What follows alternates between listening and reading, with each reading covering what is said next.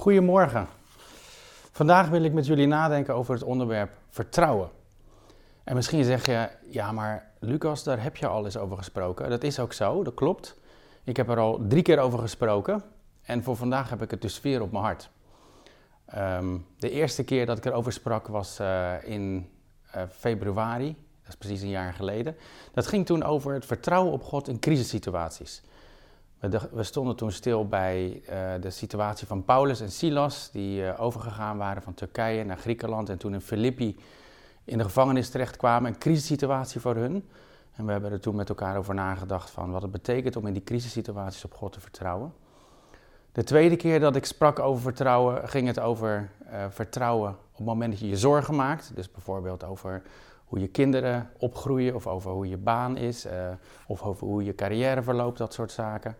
Toen hebben we stilgestaan vooral bij Matthäus uh, 6, waar Jezus zegt: uh, Maak je geen zorgen over de dag van morgen.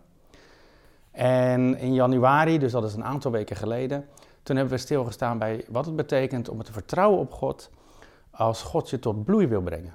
Toen hebben we stilgestaan bij het verhaal in Matthäus 14, waar Petrus van Jezus de gelegenheid krijgt om op het water te lopen. Dus drie overdenkingen over vertrouwen en vandaag dus weer. En vandaag zou ik stil willen staan bij dit punt van vertrouwen, namelijk hoe kun je op God blijven vertrouwen? Of misschien beter gezegd, hoe kun je positief blijven in een langdurige crisis?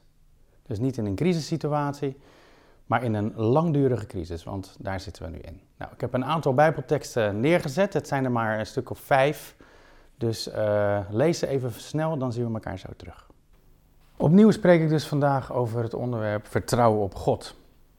En wat specifieker, hoe blijf ik positief in een langdurige crisissituatie? Of hoe blijf ik op God vertrouwen in een langdurige crisissituatie? Want daar zitten we in. We zitten nu al een jaar, precies een jaar in de coronacrisis. En het is voor veel mensen heel lastig nu. Het was al heel lastig toen we ons helemaal moesten aanpassen, februari 2020 toen de hele maatschappij ging omschakelen. En moeilijke momenten gehad. Uh, we hebben ons voortdurend eigenlijk aan moeten passen. Maar nu zitten we eigenlijk in een, nieuwe vorm van frustratie. We willen eruit. We willen wat anders. We willen dat het stopt. Voor veel mensen is het gewoon een situatie waarbij dingen te lang opstapelen. Er zijn mensen die hebben al te lang geen werk, uh, als ZZP'er bijvoorbeeld. Uh, er zijn mensen ontslagen. Um, het spaargeld raakt misschien op. Er zijn mensen ziek geworden in je omgeving misschien. En misschien ook meerdere. Er zijn misschien mensen overleden. Het komt nu misschien extra dichtbij.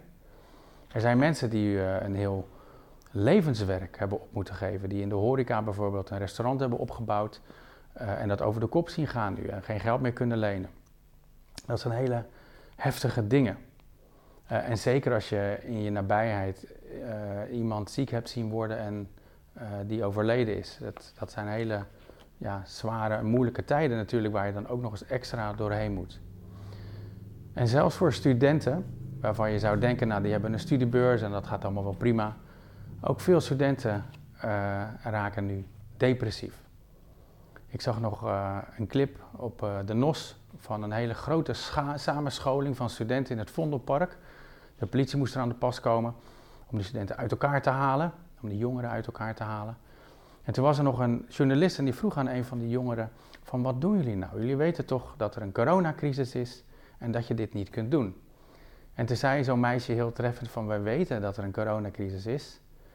Mijn moeder zit in de zorg, zei ze. Dus ik weet het van heel dichtbij. Maar we worden depressief. We moeten wat. En ik denk dat ze daar de spijker op de kop slaat. Juist in deze in deze tijd, nu de coronacrisis al een jaar duurt, denk ik dat heel veel Nederlanders denken van ja, ik wil mijn beste aan de corona-regels aanpassen, dat moet ook, maar ik trek het gewoon niet meer. En daarom is het belangrijk om met elkaar ook stil te staan bij het thema van hoe blijf ik positief in een langdurige crisis of hoe blijf ik op God vertrouwen in een langdurige crisis. Ik denk dat veel mensen uh, achter Netflix zitten, Prime Video, om hun tijd door te komen. Uh, er zijn mensen die gaan allerlei dingen kopen. Bol.com heeft een enorme omzetverhoging gehad afgelopen jaar. Ik denk dat heel veel mensen in allerlei ja, theorieën gaan geloven. Complottheorieën natuurlijk, dat helpt, schijnt. Uh, maar er zijn ook mensen die geloven in een theorie als positive thinking, van ik blijf gewoon positief. Het uh, glas is voor mij nooit half vol en nooit half leeg. Het is, ik, kijk, ik kijk altijd uh, positief tegen de dingen aan. Um, en dan is het voor ons natuurlijk belangrijk om ons af te vragen hoe gaan wij daarmee om en wat zegt de Bijbel daarover. En ik denk dat de Bijbel daar iets heel duidelijks over zegt. Het is een andere situatie als de situatie van Paulus en Silas, die in een crisissituatie zaten van het moment. Die konden bidden, die konden misschien nadenken over Gods woord. Ook wij kunnen in een crisissituatie mensen vragen of ze voor ons willen bidden. Maar het antwoord op een uh, stabiel en positief blijven in een langdurige crisis, zoals wij, waar wij nu in zitten, is ietsje anders dan alleen dat. Natuurlijk kun je altijd bidden, Gods woord lezen enzovoort. Maar het antwoord hierop is van hoe blijf ik positief in een langdurige crisis, is leef met de belofte van God. Leef met de belofte van God. Als je uh, gewend raakt om die belofte geworteld te hebben in je leven, dan kan er van alles gebeuren en kun je toch in rust blijven. Dus als je wil leven in de belofte van God, dan moet je ze natuurlijk kennen. In de eerste plaats moet je weten, wat heeft God dan beloofd? Waar kan ik op gaan staan? Waar kan ik op vertrouwen? Nou, dat moet je dan uh, uitzoeken. In Gods woord kom je er heel veel tegen. Ik kwam een website tegen van een jongen die had er uh, eh, 500 achter elkaar op een lijstje gezet. Um, maar ik denk dat de meest uh, gangbare zijn er een stuk of tien waar we ons aan vast kunnen houden. En daarnaast, naast het weten van welke belofte, gegeven, welke belofte God gegeven heeft, is het belangrijk dat we ons dus ook eigen maken. Dat we er gewend aan raken. Dat we er zo vaak over denken of lezen of met elkaar over spreken, dat het een gewoonte wordt. Zodat we als het ware een dikke huid krijgen van Gods liefde en Gods zorg. Zodat we altijd in die belofte uh, kunnen zijn. Um, twee beloften sprongen er bij, bij mij wel uit, van die, uh, laten we zeggen, van die top 10. En dat is, de eerste is uit Matthäus 28, waar Jezus zegt, ik ben met je, tot aan de voleinding van de wereld. Zo'n schitterende belofte als God zegt, ik ben met je. Waar jij gaat, daar gaat God met je mee. En een andere belofte die daar heel dicht tegenaan zit, is wat we lezen in Hebreeën 13, waar God zegt, ik zal je nooit verlaten. Ik zal je nooit verlaten. Dus die twee dingen bij elkaar, ik ben met je en ik zal je nooit verlaten. Dat heeft een enorme kracht. Als we daar gewend aan raken, wat we ook tegenkomen in ons leven en welke moeilijke tijden we ook doorgaan, dat God zegt, maar ik ben met je en ik zal je nooit verlaten. In de Bijbel zijn niet zo heel veel verhalen te vinden van mensen die in een langdurige crisis zaten en waar je dan kon zien dat God hen daaruit helpte of hielp. Maar uh, je kunt wel denken aan het verhaal van Daniel. Daniel was natuurlijk uh, gevangen genomen uh, in de ballingschap, meegenomen naar Babylon, had daar wel een mooie positie gekregen in het koninkrijk. Maar er was een moment dat hij zijn God eigenlijk niet meer mocht aanbidden. En dat was niet het enige moment. Ze hadden al een paar andere momenten gehad waar ze moesten kiezen van blijf ik op God vertrouwen of niet, of kies ik voor mijn eigen inzicht. En Daniel koos ervoor om altijd op God te blijven vertrouwen. En hij was dat gewend geraakt. Dat zat als het ware in zijn systeem. En toen hij dan ook gevangen werd, want hij mocht zijn God niet drie keer per dag aanbidden zoals hij wel deed, dan zie je bij Daniel dat hij niet in paniek raakt. Dat hij niet wegrent of uh, misschien leugens verzint van uh, ik had pijn in mijn rug en daarom lag ik op mijn knieën, wat dan ook. Hij bleef gewoon rustig, zijn hart bleef rustig en hij bleef eigenlijk gewoon um, vertrouwen op God. Ik denk dat Daniel gedacht heeft, ik doe wat God van mij vraagt en verder vertrouw ik op God. Verder zie ik het wel. Ik doe wat God van mij vraagt en verder vertrouw ik op God. En juist daardoor kon zijn hart in vrede blijven en kon je zien dat God hem kon beschermen van die leeuwen in die leeuwenkuil. En hetzelfde geldt voor zijn drie vrienden die ook moesten buigen voor een andere God en dat niet deden. Ook zij zullen gedacht hebben: ik doe wat God van mij vraagt en verder vertrouw ik op God. Ik doe wat God van mij vraagt en verder zie ik het wel. Ook zij konden in rust blijven toen ze gevangen genomen werden en naar een brandende oven geleid werden. Zij, zij raakten niet in paniek. Zij zeiden zelfs tegen de koning van we vinden het niet eens uh, noodzakelijk om u te antwoorden. Wij vertrouwen op God. En zo kon God ook hen uit die vuuroven redden. Dus zij bleven heel relaxed. Zij leefden eigenlijk met deze twee mooie beloften. Zij wisten, God was met hen en hij zou hen niet verlaten. God is met ons en hij zal ons niet verlaten. Als je nadenkt over wat een belofte is en wat het nou precies met je doet, dan kom je erachter dat het wel ietsje meer impact heeft dan je denkt. Als mensen aan mij zouden vragen, Lucas, ken jij de belofte van God en leef je erin, dan zou ik waarschijnlijk vrij snel zeggen, ja, ik ken de belofte wel en ik uh, leef daar ook wel in. Maar als puntje bij paaltje komt, dan is het nog niet zo heel erg eenvoudig. En daarom wil ik eigenlijk even een voorbeeld geven om met elkaar eventjes over na te denken. Stel je voor dat je op een goede dag bij je voordeur komt en je ziet op de mat zie je een brief liggen van de overheid. En daar staat in dat je 20.000 euro moet terugbetalen. Dat kennen we natuurlijk van de toeslagenaffaire. Dat is mensen overkomen. Die moesten in één keer 20.000 euro terugbetalen. Dat zijn enorme bedragen. Voor heel veel mensen is dat een gigantisch paniekmoment. Wat ga ik doen? Kan ik mijn kinderen nog wel laten studeren? Of kan ik nog in dit huis blijven wonen? Of kan ik überhaupt nog wel naar de Albert Heijn? Of moet ik een baan erbij gaan nemen? Moet ik misschien iets uh, buiten de regels doen om te kijken of ik ergens geld vandaan kan halen? Dat soort dingen, dat soort gedachten komen in zo'n panieksituatie natuurlijk allemaal naar voren. Maar stel je voor dat je een buurman hebt die tegen jou heeft gezegd van luister, wij zijn al zo lang zulke goede vrienden. Ik heb met mijn werk uh, heel veel geld verdiend. Laten we zeggen dat hij miljonair is. En dat hij tegen jou heeft gezegd van als je ooit geld nodig hebt, laat het me weten. Ja, of het nou 10.000 euro is, of 20 of 50 of 100.000 of 200.000, dat maakt me niks uit. Ik heb echt zat, ik hou ervan om te delen. Jij bent een goede vriend van mij. Jij kan mij vertrouwen. Ik betaal dat voor jou als je dat op het moment nodig hebt. Nou, op het moment dat je dan die brief van de overheid ziet liggen en je kijkt ernaar, dan gebeurt er iets anders in je hart. Dan denk je niet van, hoe ga ik dit ooit oplossen? Dan raak je niet in paniek. Dan word je niet onrustig. Maar dan blijft je hart misschien wel in vrede en denk je, oh ja, iemand heeft gezegd dat ik hem kon vertrouwen. En dat hij voor mij wil zorgen op het moment dat het nodig is. Dus je hart blijft in rust. En je gaat niet snel een andere baan erbij zoeken. Je raakt niet um, in paniek naar je omgeving toe. Maar je belt gewoon aan bij je buurman. En je zegt van joh, je hebt het toen een keer gezegd. Uh, ik heb nu echt geld nodig. Kijk maar, ik heb een brief van de, van de overheid. 20.000 euro moet ik terugbetalen. En dan betaalt hij dat. En dan is alles van de baan. Natuurlijk is dat een beetje makkelijk gezegd. Maar ik denk wel dat we uit het voorbeeld twee dingen kunnen leren.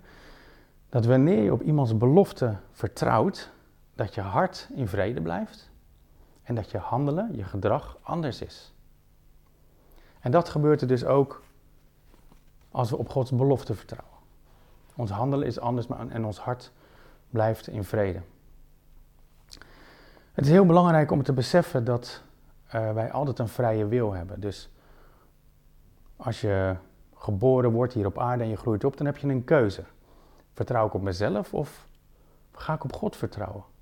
En ook als je christen geworden bent, als je tot bekering gekomen bent, zelfs dan kun je nog kiezen tussen wil ik op mijn eigen inzicht vertrouwen of wil ik op God vertrouwen? Eigen inzicht, dat gaat niet goed. Op Gods inzicht, op God vertrouwen, dat gaat wel goed. Maar het is belangrijk dat je beseft dat als je kiest voor het eigen inzicht, dat God niet die zegen kan geven die hij voor jouw leven heeft. Dat komt echt daar waar je echt op hem vertrouwt en voor hem kiest. En zo zie je dat ook een beetje, eigenlijk het meest duidelijke in het verhaal waar Petrus op het water loopt. Als hij naar Jezus kijkt, als hij op Jezus vertrouwt, als hij in dat vertrouwen blijft, dan is daar kracht en is daar Gods bescherming. En als hij dat niet doet, dan, uh, dan, is dan kan God die kracht niet geven zoals hij wil. Hij kan ons natuurlijk altijd weer redden, maar God vraagt van ons om te blijven staan, om geworteld te zijn, om gewend te raken, om te leven met zijn belofte en daarop te vertrouwen. Er staat in Hebreeën 6, die had ik niet opgeschreven, dus die moet ik even hieruit lezen. Een mooie tekst. En daar staat eigenlijk een opdracht. Treed in uh, de sporen van hen die dankzij hun standvastig geloof ontvangen hebben wat hun beloofd was. Hebreeën 6, vers 12. Dankzij hun standvastig geloof ontvangen hebben wat hun beloofd was. Wat nog een andere goede tip misschien is in deze situatie, in dit, over dit onderwerp, is dat, uh, dat je ook jezelf kunt onderzoeken of je op God vertrouwt. Dat moet ik bij mezelf dus ook doen. Je weet het vaak niet van jezelf. Maar hij, Paulus schrijft het aan de Corinthiërs in 2 Korinthe 13. Daar zegt hij van, uh, onderzoek jezelf of je op God vertrouwt. Dat zegt hij letterlijk. En hoe doe je dat dan? Nou, dat kan op verschillende manieren, maar het kan ook op deze manier. En dat is je, dat je gewoon situaties voorstelt. Dat je gewoon nadenkt over wat gebeurt er met mij als ik mijn baan zou verliezen. Of als ik niet genoeg geld zou hebben. Of als de coronacrisis nog langer zou duren of als ik ziek zou worden. Check dan eens bij jezelf. Word ik daar onrustig van? Raak ik in paniek? Of kun je in die situatie zeggen, nee, ik vertrouw op God. En ik blijf rustig. En ik uh, handel zoals God het van mij vraagt. Misschien denk je, ja, ik weet niet of dat voor mij is. Zo'n mooi verhaal is van Daniel of die drie vrienden. Of van Petrus op het water. Het zijn toch allemaal bijzondere mensen. Maar ik denk dat het in dit opzicht ook heel belangrijk is dat je beseft dat Jezus is voor ons allemaal gestorven. Die is ook voor jou gestorven. Al die beloften, die gelden ook voor jou. God houdt van jou zoals hij van Jezus heeft gehouden en nog steeds houdt. Dus dat is enorm. Dus laat je niet weerhouden en grijp wat God voor je heeft. Een andere vraag die je kan hebben, dat je denkt van ja, ik, ik, ik geloof wel dat het voor mij is, maar ik weet niet of ik dat kan. Dat zijn van die heftige momenten ook die je noemt. Kan ik dat wel op dat moment ook echt waarmaken? Nou, daar wil ik uh, even één voorbeeld van, voorbeeld van noemen, waarbij er nog iets extra van God meespeelt. Ik heb net een boek gelezen van Soon Ok Lee. Dat is een Koreaanse vrouw. Zij uh, had een goede baan in Noord-Korea, in het communistische Noord-Korea. Zij was uh, hoofd van een distributiecentrum en um, verdiende prima, had een man en een kind, een redelijk gelukkig leven, zo omschrijft ze dat zelf. En op een gegeven moment wordt zij vals beschuldigd. Uh, ik heb het boek net gelezen en het boek heet Zij mogen de hemel niet zien. Zij wordt vals beschuldigd en zij komt in de gevangenis terecht en zij komt, daarna komt zij in een werkkamp terecht. En in, die werkkamp, in dat werkkamp zijn 6000 gevangenen.